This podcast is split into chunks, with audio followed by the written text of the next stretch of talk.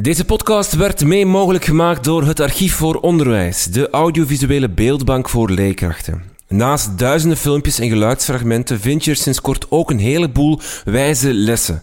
De redactie bij het Archief voor Onderwijs bokste deze zomer handige pagina's ineen die leerkrachten helpen om de wijze lessen van Tim Surma om te zetten in de praktijk.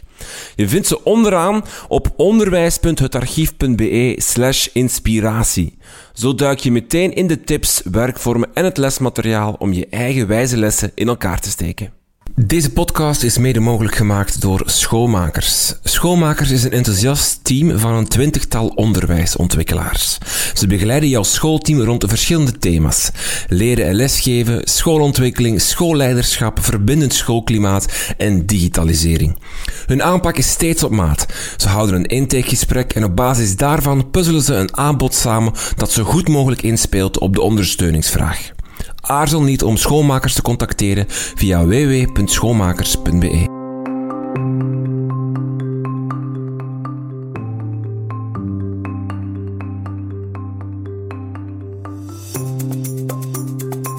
Hallo en welkom bij Buiten de Krijtlijnen. Mijn naam is Rinke van Hoek en dit is uw podcast over onderwijs.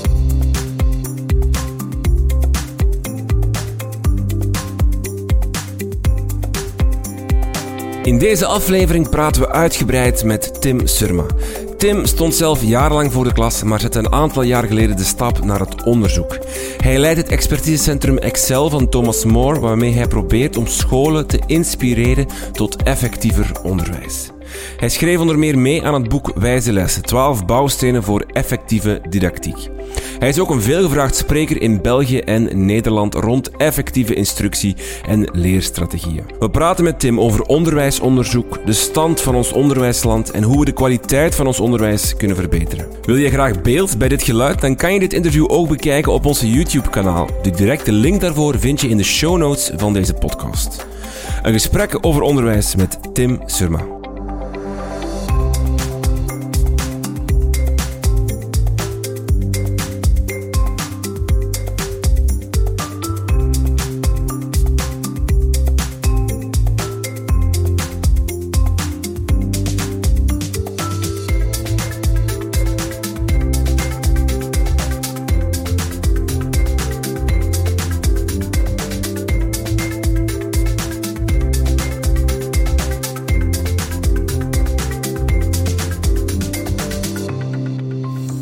Summa, welkom in Buiten de Krijtlijnen. Je bent research manager van het expertisecentrum Excel van Thomas More. Je hebt zelf ook wel 17 jaar voor de klas gestaan, is het exacte getal zeker? 17, ja.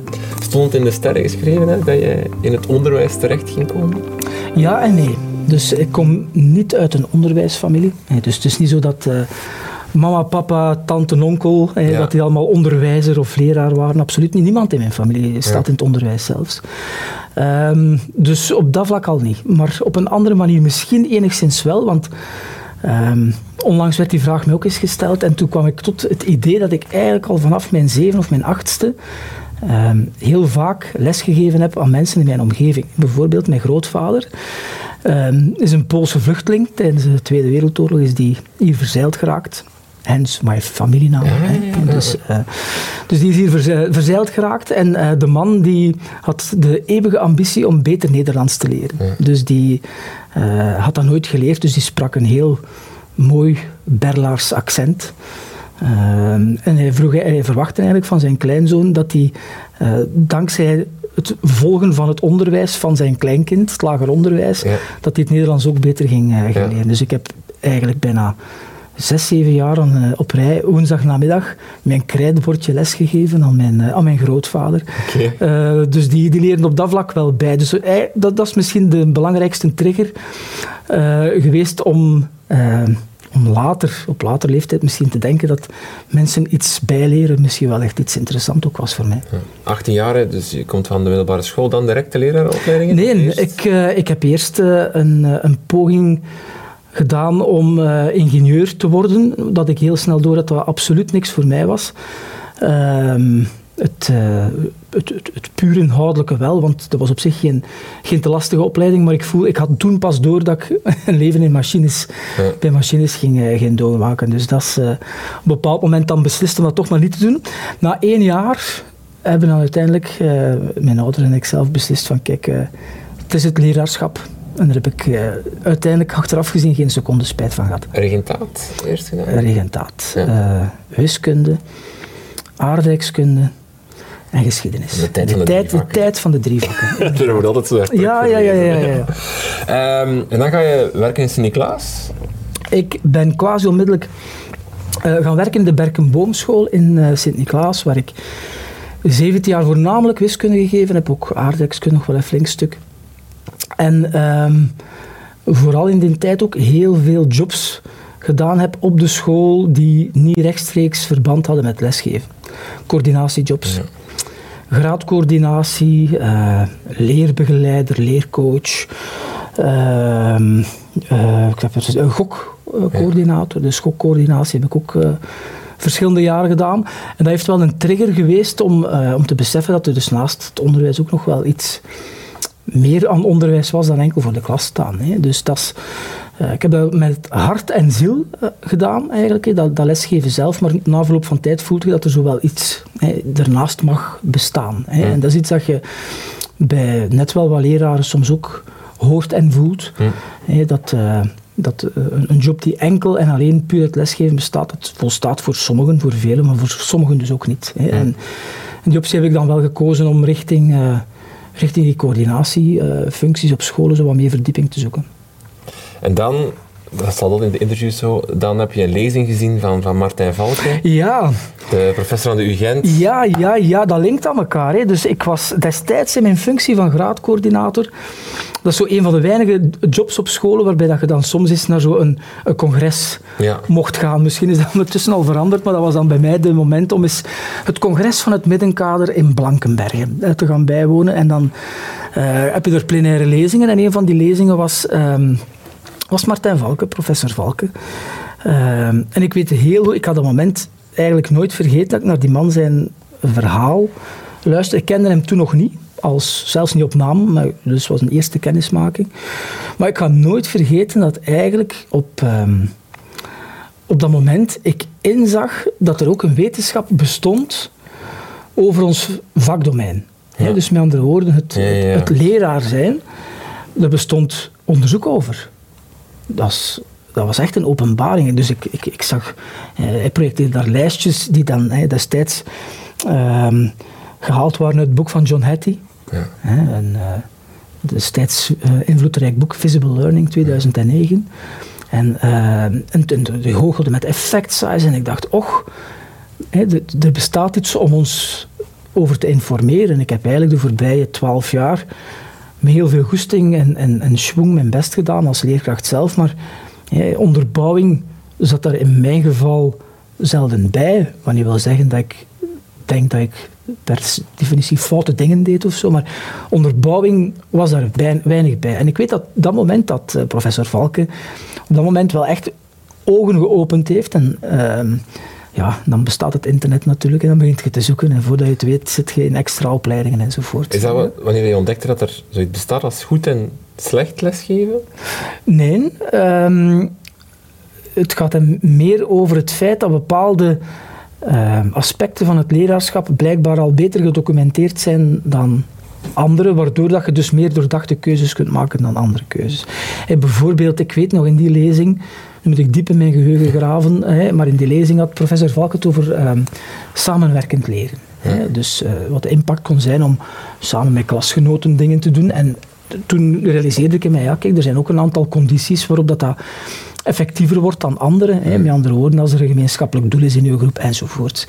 Dus sommige van die, uh, sommige van die bevindingen die lieten mij inzien dat er dus meer te leren was over het leraarschap zelf. En dat vond ik extreem, extreem boeiend. Dus eh, als professor Valk ooit naar deze uitzending kijkt of luistert, hartelijk dank. Ik moet hem nu vaak op professioneel vlak, ik zal het hem ook nog eens persoonlijk zeggen, maar dus, eh, een diepe buiging.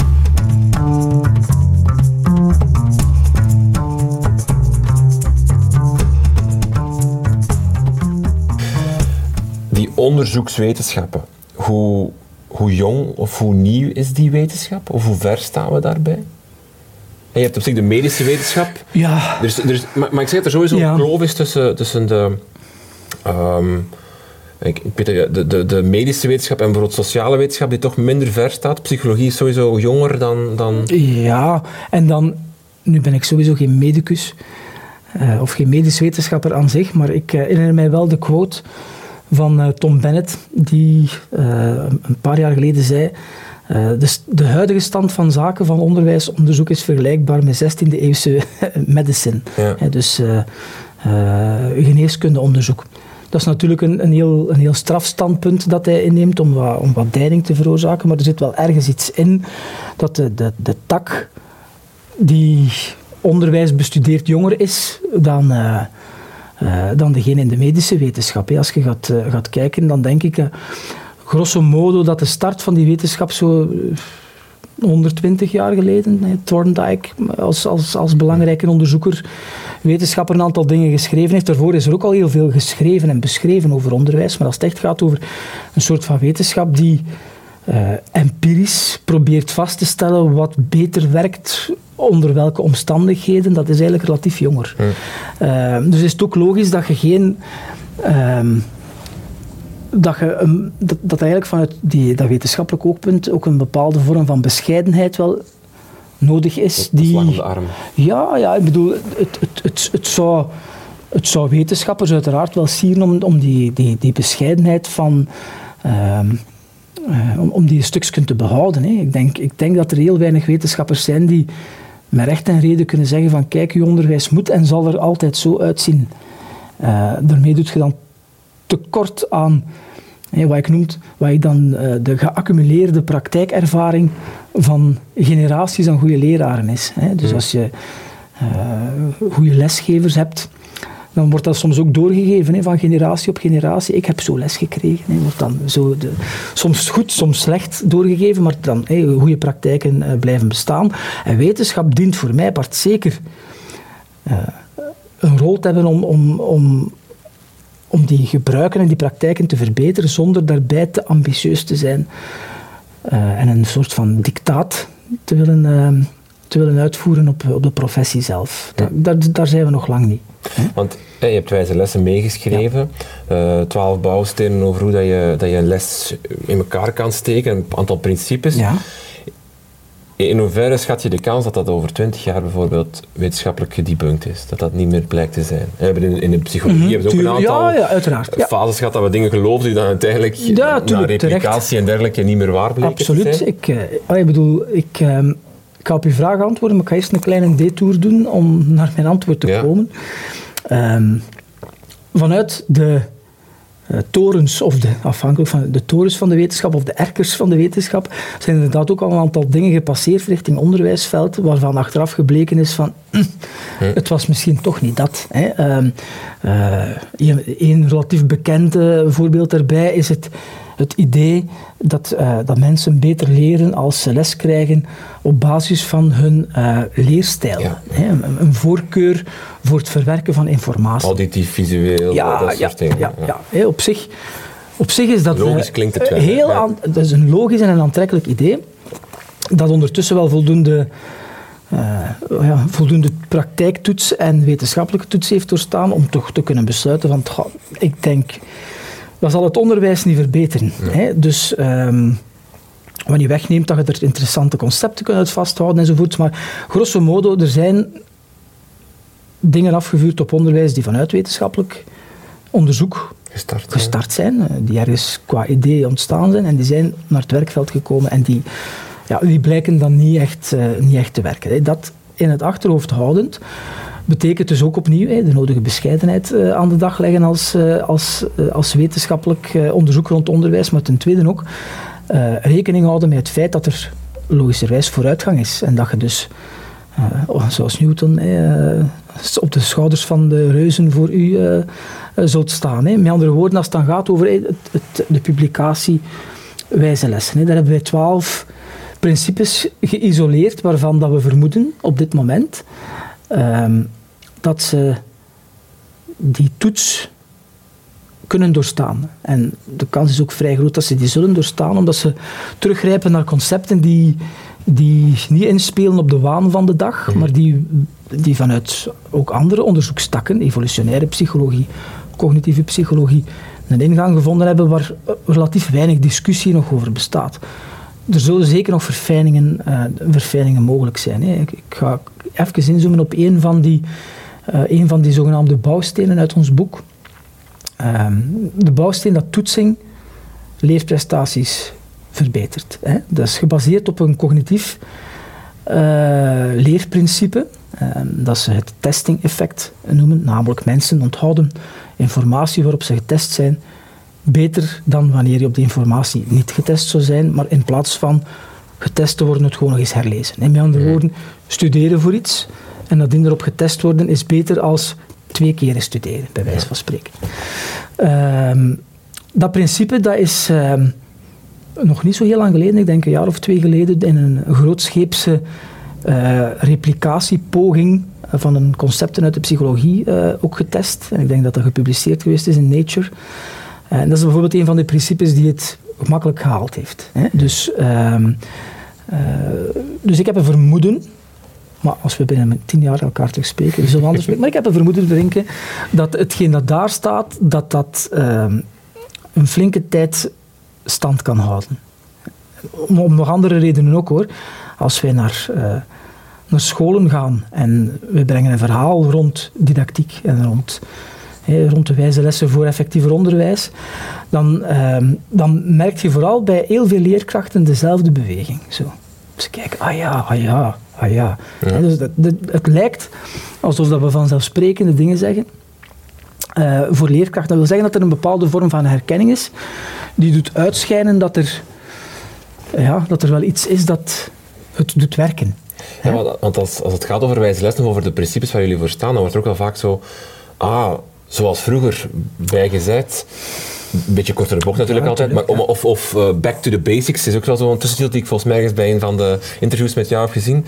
Omdat het ook wel over basisdingen gaat, herhaling, toetsing. Ja, uh, ja. Um, um.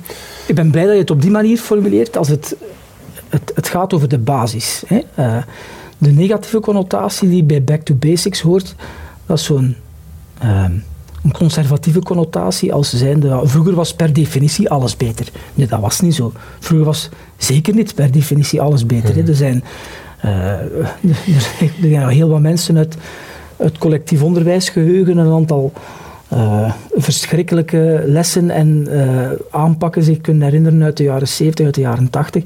Dus het was toen niet per definitie beter, absoluut niet. Ehm, wat dus niet wil zeggen dat als je het hebt over naar de basis terugkeren, dan, dan zeg ik wel echt volmondig ja. ja. Met andere woorden, als we, als we een aantal van die kernprincipes die garant staan voor goed onderwijs, als we die honoreren, dan volgt de rest wel. Als je, ik heb het, je hebt net het voorbeeld over toetsing uh, uitgesproken. Dat is een, een, een, goed principe of een centraal principe. Evengoed het, het concept dat draait rond uh, herhaling. Hè, dus zo vanzelfsprekend, hè, maar het, het feit dat dat eigenlijk een van uw fundamenten moet zijn voor het, het, ontwikkelen van uw, van uw jaarplan of van uw lesvoorbereiding enzovoort. Dat is eigenlijk dat is, dat is nummer één. Hè. Hè, um, het, het besef dat wat een kind al weet, dat dat de sterkste voorspeller is voor toekomstig leren. Hè, dus met andere woorden, die voorkennis bijspijkeren dan wel activeren als, als, als begin van een lessenreeks. Dat zijn zo vanzelfsprekende dingen die, die wij met dat boek onder de aandacht gebracht hebben. En ik denk dat die gaan blijven, gaan blijven bestaan. Dus, wars, wars van welke technologische evoluties dat er ons nog uh, te wachten staan, zal het menselijk brein nog altijd leren zoals 50, 100, 200 jaar geleden. Mm -hmm. hè? Uh, de omkadering kan anders zijn enzovoorts, maar wat er hier van boven in die machinekamer gebeurt, dat, dat, ver, dat verandert trager. Mm dus ik, ik, heb daar, ik heb daar redelijk veel vertrouwen in. Maar ik, ik toon wel de voldoende bescheidenheid ook om te zeggen, er zal verfijning bestaan. Misschien moeten we binnen twee jaar, binnen drie jaar een, een dertiende bouwsteen er dan toevoegen waarvan dat we denken, goh, hoe komt het dat we dit over het hoofd gezien hebben, enzovoorts, uiteraard. Ja.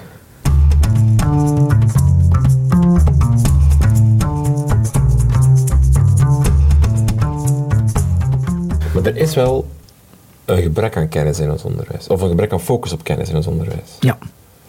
Ergens staat er een, uh, denk een quote van jou was ergens dat dat er een ouder vroeg op een, op een uh, infoavond hoeveel aandacht gaat er hier naar yoga en mindfulness. Ja, is dat de focus die verkeerd geschoven is in het onderwijs?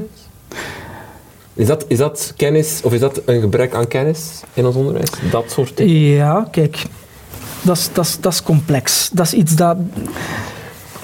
Het, ehm, de neiging naar kennis, relativisme, is iets dat heel subtiel ons onderwijs is binnengeslopen en ik kan daar zelf...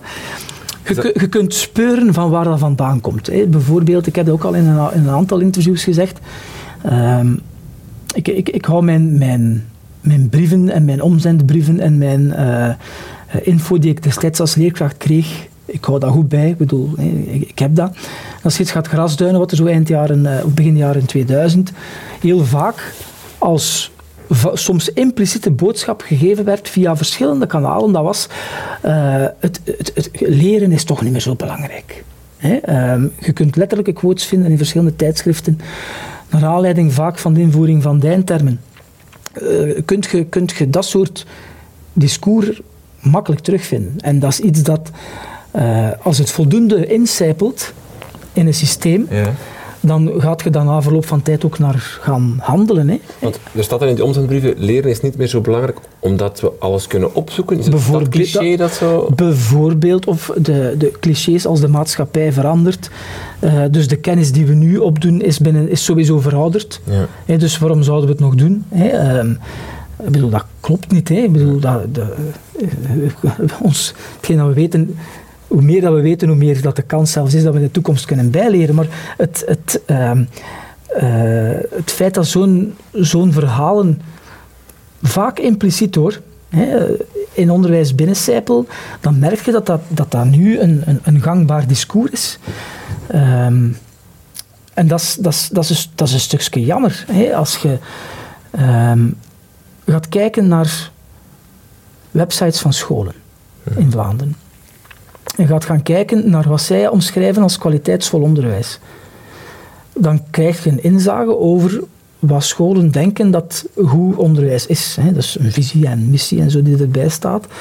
Maar dan wordt het heel moeilijk om scholen te vinden die zeggen van kijk, wij hanteren heel bewust voor een kennisrijk curriculum, of wij gaan voor een kennisrijk eh, onderwijs. Dat wordt er niet opgezet Los van het feit dat velen het waarschijnlijk wel nog doen, hè, dat is iets anders. Maar het wordt precies al gezien van, oei, we gaan dat precies toch niet opzetten, want... Het is geen selling point meer van nee, school. Nee, nee. En, dat is, en dat is dan bijvoorbeeld in contrast tot een aantal heel succesvolle, in dit geval Britse scholen, die, die echt uitpakken met, met, met, met, met wij gaan voor academic excellence. Hè, die dat echt durven benoemen. Maar niet enkel dat, hè, die dan bijvoorbeeld ook zeggen... Uh, uh, academic excellence, social emotional learning, learning, creativity. Dat zijn de drie pijlers van onze school. En er is uiteraard niks mis mee om wel aan welbevinden te werken. Uiteraard niet. Hè. Het is net alsof uh, als je... Die twee komen vaak tegenover elkaar te staan. Ja, maar dat is een valse tegenstelling. Dat is, dat, uh, er is geen ene leerkracht die een kennisrijk curriculum wil brengen aan zijn kinderen en die dus kinderen veel wil bijleren. Een leerkracht aardrijkskunde die wil tonen hoe de vulkanen werken enzovoort. Dat is toch niet per definitie omdat hij graag uitleg heeft over, uh, over hoe vulkanisme ontstaat, dat hij dan per definitie een bullebak is die geen aandacht wil hebben voor een kind dat zich niet goed voelt. Dat zijn toch schijnt, ik, ik, ik, ik, heb dat, ik heb dat zelf heel moeilijk begrepen waarom dat, dat een, een tegenstelling zou zijn. Hè? Um, nee, maar bijvoorbeeld begin dit schooljaar was er een, een school die had een uh, interview in de krant, ik weet ook niet naar aanleiding van, die had gezegd van we gaan twee weken lang geen les geven, we gaan na corona aandacht voor het sociaal-emotionele en verbinding. Daar is toen op Twitter heel fel gereageerd door sommigen, van, ook door jou, ja, van, van dit kan niet. nee, ja.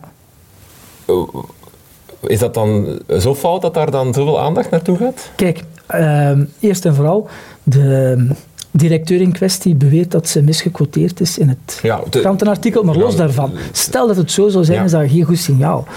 Um, Omdat het te lang is? Te lang, maar ook gesteld gewoon al in uw communicatie naar voren dat lesgeven dus per definitie niet bijdraagt tot welbevinden. Ja. Dat... Eigenlijk is dat de impliciete boodschap die je krijgt. Alweer relativering. Hè?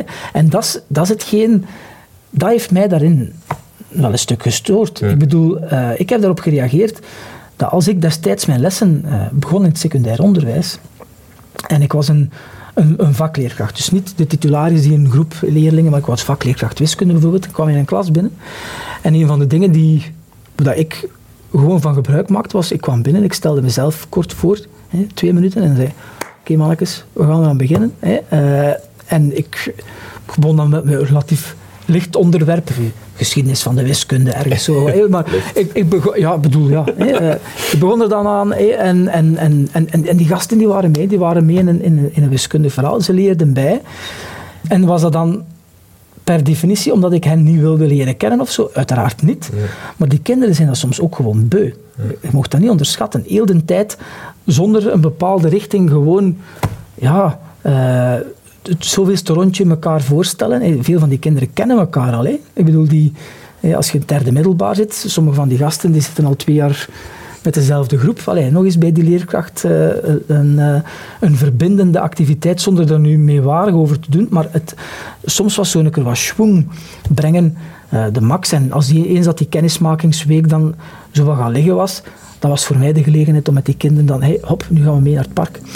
En dan, uh, dan doen we wat wiskunde in het park. En ondertussen, terwijl die gasten uh, oefeningen aan het doen waren en, en berekeningen aan, aan het maken waren, dan, dan zijt je bij die kinderen, maakt je kennis en gepraat. Ik bedoel, dus het is niet zo dat als je voor inhoud kiest om les te geven, dat, ze, dat je dus per definitie geen aandacht kunt hebben voor de persoon daarachter. En ik denk dus dat bijvoorbeeld twee weken het signaal geven als school dat lesgeven niet belangrijk is. Dat is de boodschap, hè, die er een stuk achter zit. Dat is voor mij...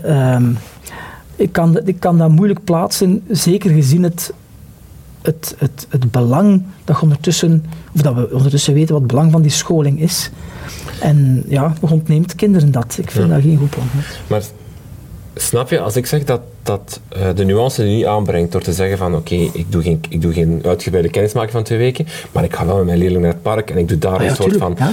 Dat die nuance ontbreekt in het hele stevige kennisdiscours dat nu gevoerd wordt in, Kijk, in, in, ik, ben blij, ik ben blij dat ik dan die, uh, die polijsting... Uh, maar ben je akkoord dat dat, dat, dat ontbreekt? Ja, dat. Dat, dat, het... dat kan, maar kijk... als ik, je... ik, zou bijna schrik hebben om... om, om alleen, nee, schrik is overdreven, maar je hebt bijna het gevoel van... Een klasgesprek, omdat het slecht gaat in mijn klas, is een les op voor mijn klasgesprek, ja. dat dat al... al Oeh, not done nee, is. Nee, nee, nee. Maar kijk, enerzijds, moet het verschil zien tussen het publieke debat ja. en de klaspraktijk. Uh, zonder wrijving geen glans. En als je de dingen niet soms eens heel scherp benoemt, dan gaat er niks gebeuren. En, en, en, en uiteraard, Renke, gaat je toch niet, als je, als je een goede leerkracht bent en je ziet dat er een bepaald iets is in een klas dat klassikale aandacht verdient, dat weggaat van uw curriculum, natuurlijk doet je dat. Ik, ik herinner me nog zo, in mijn laatste jaar dat ik les gaf, ik vond ik had eh, een stevige les over algebraisch rekenen voorbereid, dus ik dacht, we gaan erin vliegen. En ik, eh, mijn les startte en er stapte een meisje binnen in tranen. Haar paard was gestorven. Ja, uh, daar gaat de les. Hè. Ik bedoel gewoon, dat is onmogelijk om... Uh, en dan kun je een harteloze leerkracht zijn en zeggen van, ja, kind, hup, zit een zwijg, bladje papierregel van Horner. Ik bedoel, maar dat is, dat is, niet de, dat is uiteraard niet de manier... Uh, uh, ik bedoel, denk niet dat een, een, een pleidooi voor een kennisrijk onderwijs impliceert dat dat soort dingen moet gaan verdwijnen. Uiteraard niet.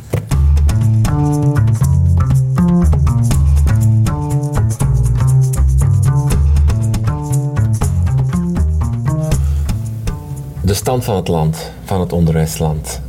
Uh, de onderwijskwaliteit, de, hoe kan jij die voor mij um, zetten waar we nu staan? Hoe want daar vind ik ook dat het, uh, je hebt heel dramatische doembeelden die soms worden geschetst over hoe slecht het gaat. Uh, anderzijds krijg je soms weer andere impulsen. Um, waar, hoe zou jij het um, omschrijven, de stand van ons onderwijsland? Een moeilijke opgave misschien. Nee, die, die opgave, ik denk dat, dat, dat tot voor een paar jaar werd er nog gedebatteerd of het wel waar was ja. dat we achteruit gingen. Die fase zijn we nu gepasseerd. Hè. Um, ik denk dat ik kom eigenlijk niemand meer tegen in het onderwijsveld die zegt dat er geen probleem is in het, uh, op het niveau van de cognitieve vaardigheden van onze leerlingen. Dus er, er is achteruitgang merkbaar op dat vlak. Pols in, zowel in, in internationale studies, uh, die, die dat vergelijken. Ik ga ze nu niet allemaal voor u uh, gaan, uh, gaan expliceren, maar kom ook in leraarskamers, praat met, met directeurs die al een tijd aan, aan de slag zijn en die, ja, die, gaan dat soms, die gaan dat wel erkennen, dat er een probleem is. Dus dat is wel dat is, dat is een gegeven. Ehm, die vaststelling is nu eindelijk gebeurd. Maar ik heb mij altijd verzet tegen een bepaalde vorm van, uh, van doemdenken en er defetistisch in, in te staan. Oké, we weten nu dat er een bepaald probleem is. En we kunnen misschien op zoek gaan, nu vooral ons, onze energie proberen te focussen op, op de verbeterslag. Dus ehm, ik denk dat dat het belangrijkste punt is, dat we nu gewoon echt durven nadenken van kijk, welke ingrepen, groot dan klein, kunnen we in ons onderwijs doen om ja, om, om, om het niveau van een aantal basiscognitieve vaardigheden terug oké te krijgen. Maar dus eigenlijk zeg je van een, een kind, een leerling dat studeert op zijn achttiende of, of naar het middelbaar gaat op zijn twaalfde, weet, kan minder dan twintig jaar geleden? Is, is, vertel ik het juist wat je, wat je bedoelt? Ik denk dat je het juist vertelt, ja. Met die verstande natuurlijk dat... Ehm, ja, je, kunt, je kunt zoveel nuances aanbrengen. maar de laatste metingen waar we ons op baseren, dat zijn vaak uh, proeven van van leerlingen op, uh, op, op een vijftiende, PISA-scores dan bijvoorbeeld. Dus je zou dan nog kunnen zeggen van, oh ja, maar ja, misschien maken niet alles goed de laatste twee jaar van, hun, van het secundair onderwijs. dat, is, dat is ook zoiets dat dan gezegd wordt. Omgekeerd hebben we dan de, de scores van de, de, de, de, de proeven die leerlingen moeten afleggen om bepaalde richtingen hoger onderwijs binnen te gaan, bepaalde eikingsproeven die daarbij in zitten. En daar zit men dat ook. Mhm. dus ik denk dat er inderdaad het probleem is dat uh, kinderen minder kennen en kunnen dan, uh, dan vroeger. Om het op te lossen moet je vaak de oorzaken weten, om die dan aan te pakken. Uh, het gebrek aan kennis, hebben we het al over gehad, is een oorzaak die we kunnen... Het, uh, het verminderde focus op verminderde focus op uh, het belang van een gedegen kennisbasis is een stukje verwaarloosd. Uh, dat is denk ik een, uh, een, een oorzaak, maar ik heb je net ook gezegd, dat is heel moeilijk te grijpen. Je kunt niet zeggen van ja, er is de voorbije jaren 17% minder kennis gegeven. Hè. Dus dat is niet het geval. Maar er zijn gewoon veel signalen uit, uit verschillende hoeken die daarop wijzen. Ik heb u er net al eh, vermeld, eh, bepaalde eh, interviews, opiniestukken in kranten over scholen enzovoorts, omzendbrieven, begeleiding, professionaliseringstrajecten enzovoort, die die boodschap geïnfuseerd hebben. Dat is er denk ik wel zeker een van. Ja. Mhm. Kan je hem nog definiëren, oorzaken? Ja, um, mogelijke oorzaken. Hè. Dus zonder hierbij, ik probeer opnieuw een stukje bescheidenheid uh, te behouden. Want eigenlijk uh, weten we het niet 100% zeker, hè? Nee, maar Mag dat zeggen? Ja, nee, dat klopt. Dat is een stukje, ja. Is dat gewoon de moeilijkheid, de complexiteit van, van onderwijs? Ah, ja, tuurlijk. We leven, uh, onderwijs vindt niet plaats in een afgesloten labo waarbij alle, const ja. alle variabelen constant houdt. Nee, dat, uiteraard niet. Uh, uh, je, je, kunt het nooit helemaal zeker weten. Hè? Dat, dat klopt wel. Ehm, ja, en misschien, dat is misschien wat stout, maar misschien is dat ook een, een ja, iets wat onze kennisinstellingen de voorbije tien jaar ook wel, of twintig jaar ook beter hadden moeten monitoren. Als men nu zegt, we weten niet hoe het komt, ja, is dat geen rol van onderzoek om dat te weten te komen. Dus als men nu zegt, we weten niet, dan hebben we een heel stukje... Weet je ja, ook te laat? Te laat misschien, ja. Is, hebben we dan ons maatschappelijke plicht uh, een stukje nagelaten om dat degelijk te onderzoeken hoe het komt. Hè. Uh, bon, hè, maar het, uh, een, een, tweede oorzaak, een, een, uh, je kunt er veel noemen, maar een tweede mogelijke oorzaak die daarmee te maken heeft, is misschien ook wel um, uh, een, een, eerder didactische invulling. Van, hey, wordt, er, wordt er opportun lesgegeven? Dus, uh, curriculum en kennis is het, het wat, wat je overbrengt. Maar het ook het hoe. Hoe mhm. komt het naar leerlingen toe? en dan merk je dat bijvoorbeeld in in uh, de ons omliggende landen, hè, in, in Nederland bijvoorbeeld, dat je, dat je de voorbije ja, 30, 40 jaar al vaak heel extreme didactische opvattingen. Hè. Eh, het, het, het, studiehuis bijvoorbeeld in Nederland, dat waren dus eigenlijk gewoon uh, open leercentra waarbij je zegt van ja, kijk, als je kinderen gewoon heel kort door de bocht hoor, maar ja. zelfontdekkend in een hoop samenzet, dan komt het wel. Ja. Uh, zelfontdekkend leren, waar ik eigenlijk vandaag de uitzending mee begonnen ben. Om te zeggen dat dat waarschijnlijk een grote kans is dat het niet lukt voor een hele grote groep leerlingen. Uh, als je dat op grote schaal invoert, is de kans niet onbestaande dat dat een impact heeft. Nu, bij ons is dat, veel, is dat bijna nooit echt zo hard doorgebroken als in, in Nederland. Mhm. Maar je hebt wel bepaalde ja, um, ja, didactische opvattingen die dan toch via de opleiding van leraren, of het nu gaat van de initiële opleiding tot de, de professionaliseringstrajecten die soms gepusht worden, waarvan dat je toch je vragen kunt stellen van goh, wordt het onderwijs hier nu dan ook echt beter van? Mm Of dat dan nu een, een, grote oorzaak is, dat, dat kan ik u dus niet zeggen. Ik kan mm zeggen dat dat voor 17% verklaart wat de daling is, dat kun je ook uh, niet, niet hebben. En dan heb je nog heel wat andere redenen. De, de zogenaamde uh, uh, kwaliteit instroom nieuwe leraren wordt dan uh, zo genoemd, maar daar moet je dan afvragen, is dat een gevolg ja. Of is dat dan een oorzaak? Hè? Uh, het lerarentekort, ook dat, is dat een gevolg of is dat een oorzaak van enzovoort. Dus het is een, een, een, een heel mooi complex gebeuren en, en dat ontwarren is, is, dat is moeilijk. Ja. Um, de oplossingen dan, hè, als we naar de verbeteringen gaan kijken. Um, als we even naar het beleidsdomein gaan, zijn, zijn, komen daar de, de juiste antwoorden? Uh, centrale examens, uh, eindtermen die vernieuwd worden, modernisering die, eraan, die gebeurt nu. Um, zijn dat de juiste tools om, om, om dat aan te pakken? Ik zal het u binnen tien jaar weten te zeggen, dus Rinke. We moeten echt... we gaan binnen tien jaar, we, gaan straks, we maken straks die afspraak. Vroeger mag ook al hoor. Ja. Maar nee, kijk... Um, uh, een aantal van die dingen die genoemd zijn, zorgen voor, soms voor verhitte discussies alweer. Hè.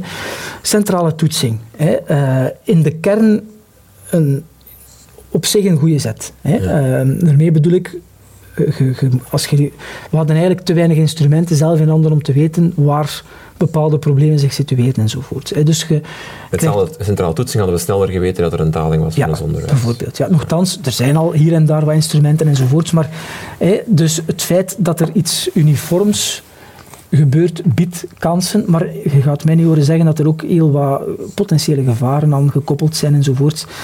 Uh, dus dat wordt een, een, een, een, een gevoelig verhaal de komende jaren om te zien hoe, dat, hoe zich dat zal uitrollen. Maar op zich moeten we dat ook niet overroepen. Hè. Er zijn vier metingen over een schoolloopbaan voor een aantal kernvakken. Uh, waarbij dat je dus kunt gaan kijken van, kijk, hoe, hoe verloopt het hier? Hè? Wordt, het, wordt het goed, wordt het minder goed? Uh, binnen bepaalde scholen. Dus ik denk dat dat, dat, dat, dat dat geen slechte tool is om te gebruiken. En het gevaar dat erachter zit, is alles wat te maken heeft met vanaf het moment dat die toetsing summatief karakter gaat krijgen voor gelijk welke actor. Of het nu gaat voor de school, voor de leerling, voor de leraar. Als een van die actoren door die centrale toetsing een, dwingend summatieve uh, zwaard van Damocles boven zijn hoofd, hoofd, hangt, dan straalt het uit naar de ander. Nee, bijvoorbeeld een direct, stel dat je zegt, oh ja kijk, die toetsing wordt niet gebruikt om uh, de slaag of voor, een attest, voor een attest hè, of voor toegang tot bepaalde richtingen in hoger onderwijs enzovoort. Je zegt, je doet dat niet, maar je gaat bijvoorbeeld wel zeggen tegen uh, de directeur, kijk, het, uh, het, uh, je subsidie die je gaat krijgen hangt wel af van je prestaties op centrale toetsing. Heel kort door de bocht. Ja, ja, maar met andere woorden, dus dan gaan de leer, een, een, een directeur zeggen, oh oh, dat is hier wel voor serieus, dus die gaat dat dan afstralen op zijn leraren en die gaat dat dan afstralen op de leerlingen. Dus met andere woorden, daar moet, er moet, een heel, daar moet goed over nagedacht worden en ik heb er eigenlijk wel vertrouwen in Um, er zijn heel veel bekwame mensen bezig met dat, uh, met dat proces, zowel op departement onderwijs als in al onze universiteiten. Dus ik, we moeten erop vertrouwen dat dat, een, dat, dat de goede kant uitgaat. Mm -hmm. dus dat in verband met die centrale toetsing. Um, veranderende eindtermen. Dat is... Uh, Want die worden ook wel eens gezien als een van de oorzaken, hè, de minimumdoelen ja, die dat moeten ja, zijn, ja, waar ja. te veel naar gefocust ja, wordt. dat, dat, dat zou kunnen. Dat dat, Dirk van Damme, die, die pleit voor afschaffing van die eindtermen. Ja, ja het, um, um, eindtermen dat is, is eigenlijk opnieuw het wat. Hè. Ja. Dus dan gaat het hier opnieuw over het curriculum en dan zou het handig zijn dat er een heel logische sequentie opgebouwd wordt van wat een kind moet kennen en kunnen gedurende zijn of haar schoolloopbaan. Ja. Hè. Uh, en daarbij mogen duidelijke eisen gesteld worden. Hè. Dus dat vind ik... Kenniseisen. Ah ja, kennis, ja, zijnde wat moet jij kennen en kunnen. Ja. Hè. Moet jij weten... Um, op welke leeftijd vindt jij, Rinke, dat een kind moet weten uh, waar de Atlantische Oceaan ligt? Wat denk je? Dat is een, een voorbeeld van een curriculumvraag. Hè? Kijk, wat, wat, Dacht, Atlantische moet, Oceaan. Je moet zeggen wanneer dat nu moet je weten of nee, nee, zelf nee. zou vinden. Nee, wat, wat denkt jij? Vanaf welke leeftijd moet een kind weten ik waar de oceaan ligt? zeggen, vijfde, zesde leerjaar. Ja, Zou dat ik, is, ja. Zo de oceanen, hè? Zo Ja. in, in de lessen weer Ja, ja, ja, ja. Ah, ja, kijk, dus dat, dat is, dat is geen, trouwens, dat is geen fout of juist vraag. Dat is Nee. gewoon, dat is een curriculumvraag. Die vraag moet je stellen bij de opbouw Ja. van, van, van een curriculum op school. En dan kun je keuzes in maken. Hè. Eh, eh, bijvoorbeeld, als je de curricula zou volgen van de, eh, de core knowledge scholen die E.D. Hirsch in de VS heeft opgericht, dan is het antwoord op die vraag op vijfjarige leeftijd. Oei. Ja, dus derde kleuterklas. Ben niet zo ambitieus. Ja. En, en het gaat hem dus gewoon over het feit uh, welke keuzes maakt je op welk moment. Hè? Uh, en besef dus dat een curriculum veel kansen biedt.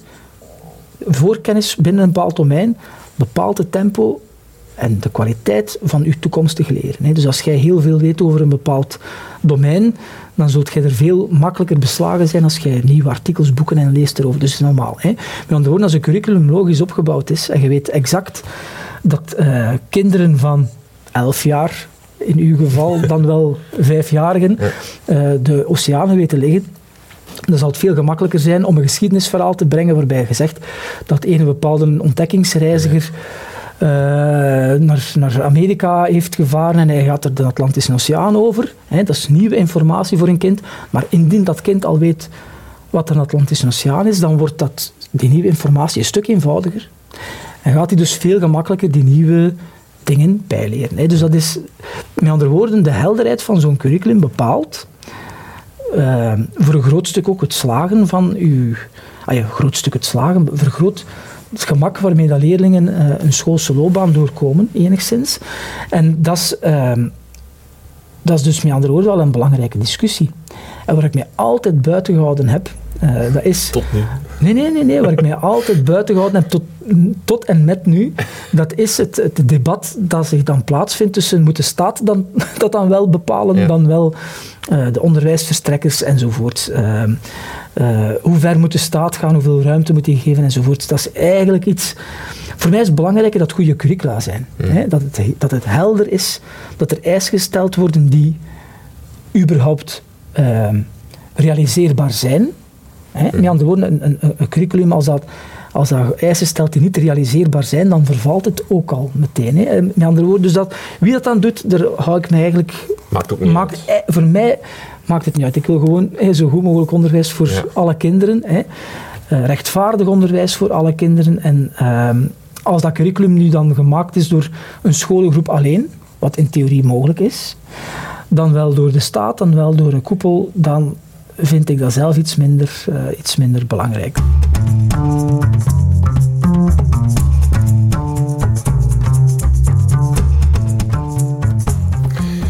In hoeverre ligt de oplossing voor de dalende onderwijskwaliteit bij de leerkracht?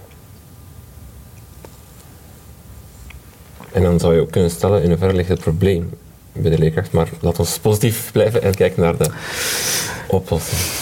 Ja, sowieso ligt het, het, de reden waarom wij in ons centrum heel veel focussen, of focussen op um, effectiviteit van didactiek en van aanpakken, dat is geen toeval. Is niet omdat ik, nou, uiteraard wel omdat ik zelf leraar was, maar het feit dat we, dat we ondertussen ook wel weten uit het uh, lerareneffectiviteitsonderzoek, ziet je dat van de factoren die manipuleerbaar zijn op een school, en daarmee bedoel ik dus onderwijskwaliteit, leskwaliteit, dat de kwaliteit van de instructie van een leerkracht de grootste of de belangrijkste factor is. Hè.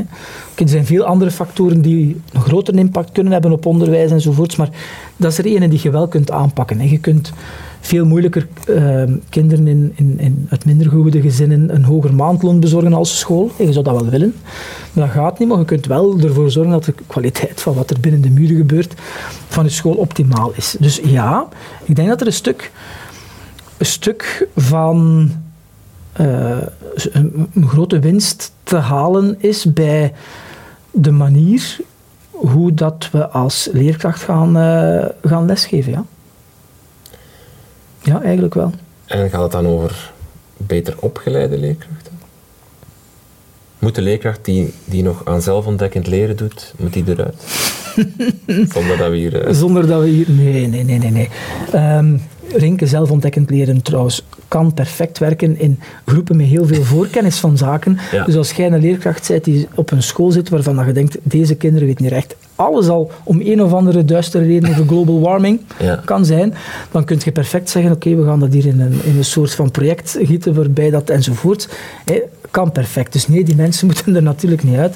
Ehm, maar het verdient aandacht om de kwaliteit van onze opleiding te blijven benadrukken. Hè. Dus, dus we moeten dat blijven benadrukken. Ik denk, uh, als we onderkennen dat lesgeven een complexe job is, en dat is het, hè. dat is verdomd complex. Hè. Een uh, recent Amerikaans onderzoeker die, uh, die, die poneerde van, kijk, volgens mij is lesgeven minstens even complex als, als chirurgie. -huh.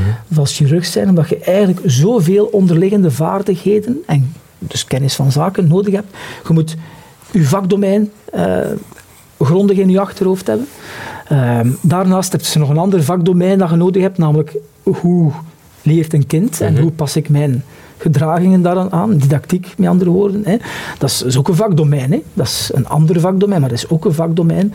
Uh, dan nog wel algemene pedagogische principes, hè, omgang met groepen enzovoort, komt erbij. En dan nog de fantastische kunde om gewoon in te spelen op situaties die nooit gelijkaardig zijn.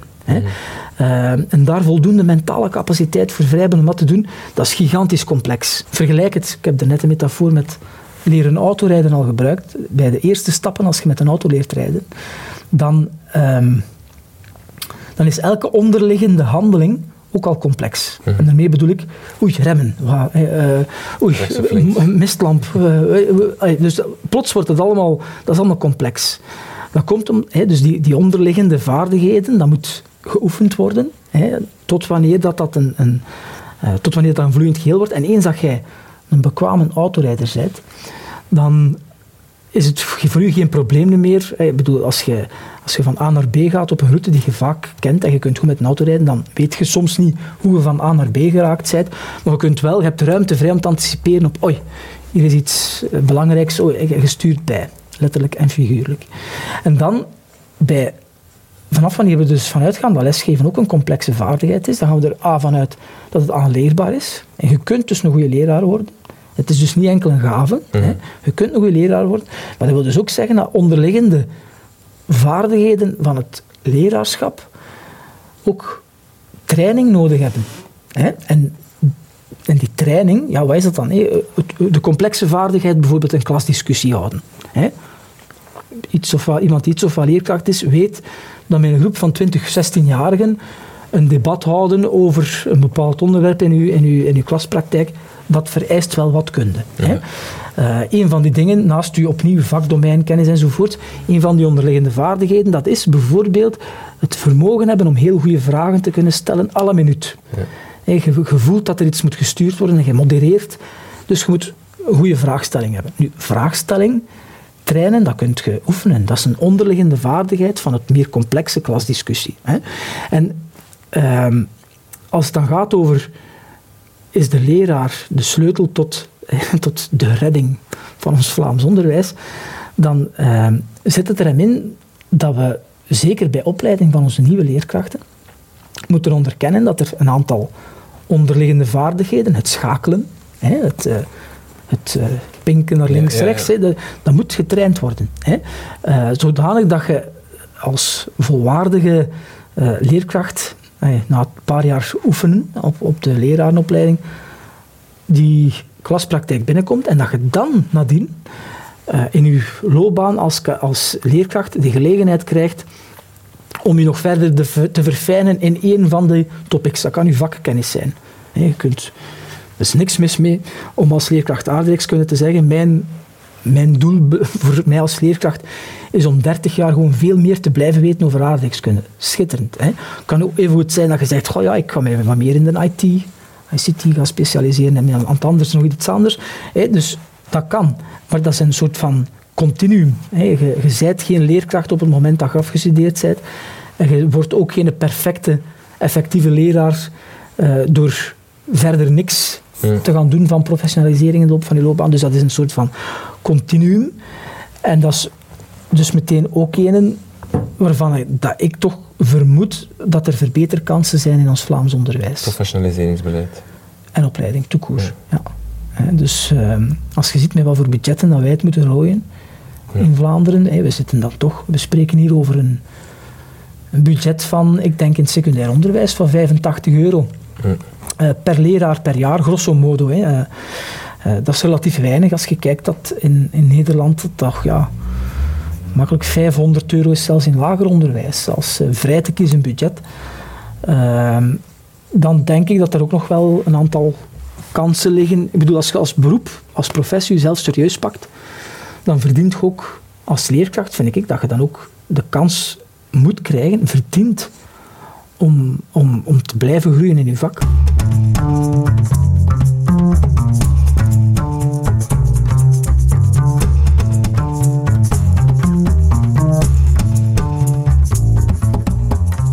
Het laatste stukje waar ik het over wil hebben is um, onderwijs krijgt vaak heel veel dingen naar zich toegeschoven die het moet oplossen. Ik denk dat het uh, Pedro de Bruiker is die zo'n lijst bijhoudt. Ja, van, Kasper ook, ja. ja zo van, dit moet onderwijs oplossen en als er weer iets gebeurt in de samenleving, dan wordt er onderwijs geweest van ze moeten dat terug aanleren. Um, het stelt mij de vraag in, soms vraag ik me af, we kunnen het ook terugbrengen naar het mindfulness vragen van, van um, de mama die vraagt, wordt er aan mindfulness gedaan, wordt er aan yoga gedaan? De vraag is van, wat is de functie van onderwijs en hebben we die nog helder als, als maatschappij? Um, in de zin van, hey, het is denk ik, uh, Pista die heeft er zo drie, drie punten geformuleerd. De kwalificatie, het leren, cultuur, het gemeenschapsvormen, te kunnen omgaan in een samenleving en dan het persoonlijke, op zoek gaan naar, naar ja. wie je bent. Ben, ben je het eens dat die, die, die drie moeten zijn en, en moet daar een, een, een, een, een, een hiërarchie in zijn? Of, of? Dat is nu een typisch voorbeeld van... Um, onderwijs is altijd een stukje ideologisch gekleurd als zijnde je moet bepalen wat je vindt als maatschappij waarvoor scholing dient. Hè. Um, Bista is daar een voorbeeld van die, die vaak gebruikt wordt. Maar er zijn, er zijn andere modellen, uiteraard ook. Als je naar uitersten gaat kijken, bijvoorbeeld uh, Ivan Illich, dat is de, de man die, die over ontscholing die, die pleit voor ontscholing. Dus die zou eigenlijk vinden, eh, nog heel kort door de bocht, dat scholen eigenlijk vehikels zijn die, eh, die, die weg kunnen. Tot uh, mensen die scholing voornamelijk omschrijven als een vorm van cultuuroverdracht. En cultuur bedoelen we dus onze, onze maatschappij genereert kennis van van alles en nog wat. dat is een bepaalde cultuur die je meegeeft aan een volgende generatie. En dan zitten we meer in de, de winkel van Hannah Arendt enzovoorts. En dan heb je Gert Bista enzovoort. En je hebt, dat is altijd voorwerp van maatschappelijk debat. Mhm. Dus je kunt niet... Ehm, eh, je kunt niet per se zeggen dat A beter is dan B. Mhm. Het kan wel zijn dat A beter is als B, afhankelijk van het doel dat je wilt bereiken. Als je bijvoorbeeld een geletterde maatschappij wil, waarbij dat iedereen op zijn 18 na leerplichtonderwijs in staat is om functioneel geletterd uh, te zijn en gecijferd te zijn. Hè. Uh, Dat lijkt mij een legitieme keuze. Hè. Dan zijn er wel manieren om dat doel te gaan bereiken. Hè. Mhm. En, uh, maar eerst moeten dat doel dus wel ergens helder stellen. Hè. Mm Dus uh, ik zelf voel, maar dat is heel persoonlijk, hè, dus daar, ja. dat is, uh, ik zelf voel vanuit sociale eh, vanuit eh, het, het, feit dat ik het uh, van nature wel heel graag opneem voor de, voor de mensen die het sociaal-economisch minder gunstig hebben dan, dan anderen. voor hen vind ik, hè, is, is zo een, een, het concept van cultuuroverdracht een heel belangrijk. Uh, net om hetgeen ik in het begin van, hey, wat ik er net eigenlijk ook al geschetst heb. Uh, sommigen komen met dat cultureel kapitaal bijna niet in aanraking. En daarvoor dient dus een school bij uitstek om wat wij weten mee te geven. Hè. En hè, sommigen noemen dat dan een soort van conservatieve visie, want je conserveert eigenlijk, bedoel, je, je, je behoudt wat je, behoudt wat hebt en geeft dat mee. En die nieuwe doen er dan iets nieuws mee, hè, of ja, die worden slimmer weer op hun beurt. Ja. Hè. Bedoel, het, uh, uh, in, de, in, de, jaren 60 stond er in de curricula niks over global warming. Hè? Bedoel, ja. Dus we leren nu weer bij, nu staat het er wel in. De volgende generaties leren, bouwen weer voort op de vorige enzovoort. Hè? En dat is dan tegelijkertijd dat, dat stukje het progressieve, dat, dat soms vergeten wordt, uh, is dat dan in de vooruitgang van, uh, of ja, het, het, progressieve karakter van onderwijs, dat dat ook grotendeels mee ingevuld kan worden door de inhouden die je meegeeft met je leerlingen. Hè? Mm. Dus um, dat, je, dat, dat, dat de scholing zichzelf ververst door wat het naar de leerlingen brengt van cultuur. Mm. dus dat is, dat is, um, dus dat, dat, is mijn, dat, dat is de invalshoek die ik filosofisch graag naar voren schuif. De, de, de filosofie van, van onderwijs als cultuuroverdracht. Mm. Hoe zorg je dat, want je zou kunnen stellen dat, dat de slinger um, is doorgeslagen en te weinig um, dat cultuuroverdracht of die kennisoverdracht heeft gedaan. Je, je wil dat nu corrigeren als maatschappij zijnde. Hè? Um, hoe zorg je dat die slinger niet naar de, terug doorslaat naar de andere kant? Dat is misschien zo de laatste, de, of, een, of een schrik die je wel kan hebben. Misschien is dat een beetje vroeg dat ik die schrik al heb of zo, maar, maar, dat is wel een vraagstuk waar je dan voor staat, denk ik. Ja, denk het ook. Ik heb nog het voordeel van ouder worden is dat we uh, een aantal van die bewegingen vaker gaan zien. Hè. Van het geschiedkundig perspectief noemen ze dat soms ook. Hè.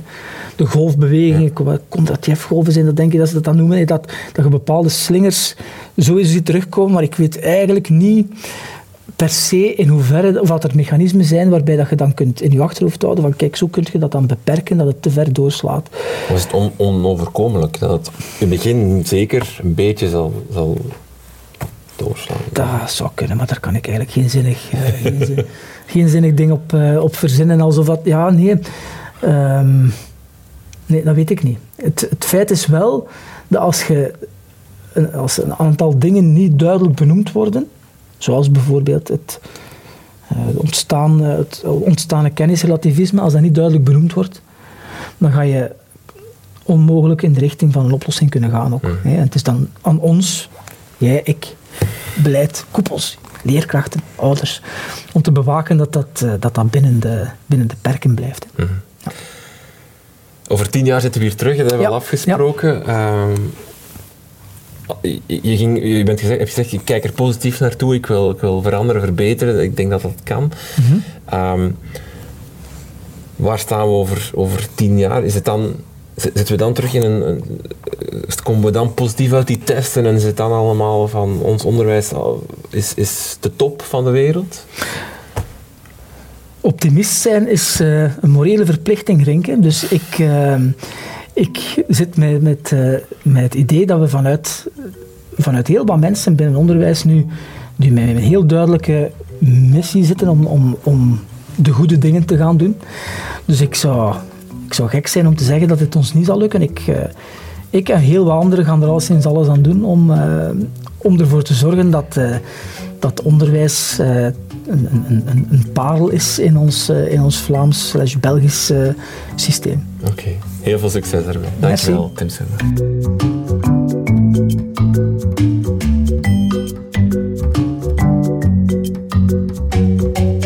Dit was het dan weer voor deze aflevering van Buiten de Krijtlijnen. Meer info over deze podcast, over Tim Surma en over alles wat in deze aflevering aan bod is gekomen, vind je in de show notes van deze podcast. Blijf op de hoogte van onze plannen en nieuwe afleveringen via Twitter, Facebook of Instagram. Een lijst van al onze voorgaande afleveringen vind je op www.krijtlijnen.be. Ook u kan helpen om deze podcast beter te maken en te ondersteunen. Dat doe je door vriend van de show te worden. Via onze website kan je vriend van de show worden en een donatie doen. Dat kan een eenmalige donatie zijn, of ook op maandelijkse basis, dan doneer je 2,5 euro per maand. Doe je het op jaarlijkse basis, dan kost het je 27,5 euro. Surf dus naar www.dekrijtlijnen.be en haal even die bankkaart boven en steun ons. Je krijgt dan ook toegang tot exclusieve bonusafleveringen, enkel en alleen voor vrienden van de show. Dank voor het luisteren en tot de volgende.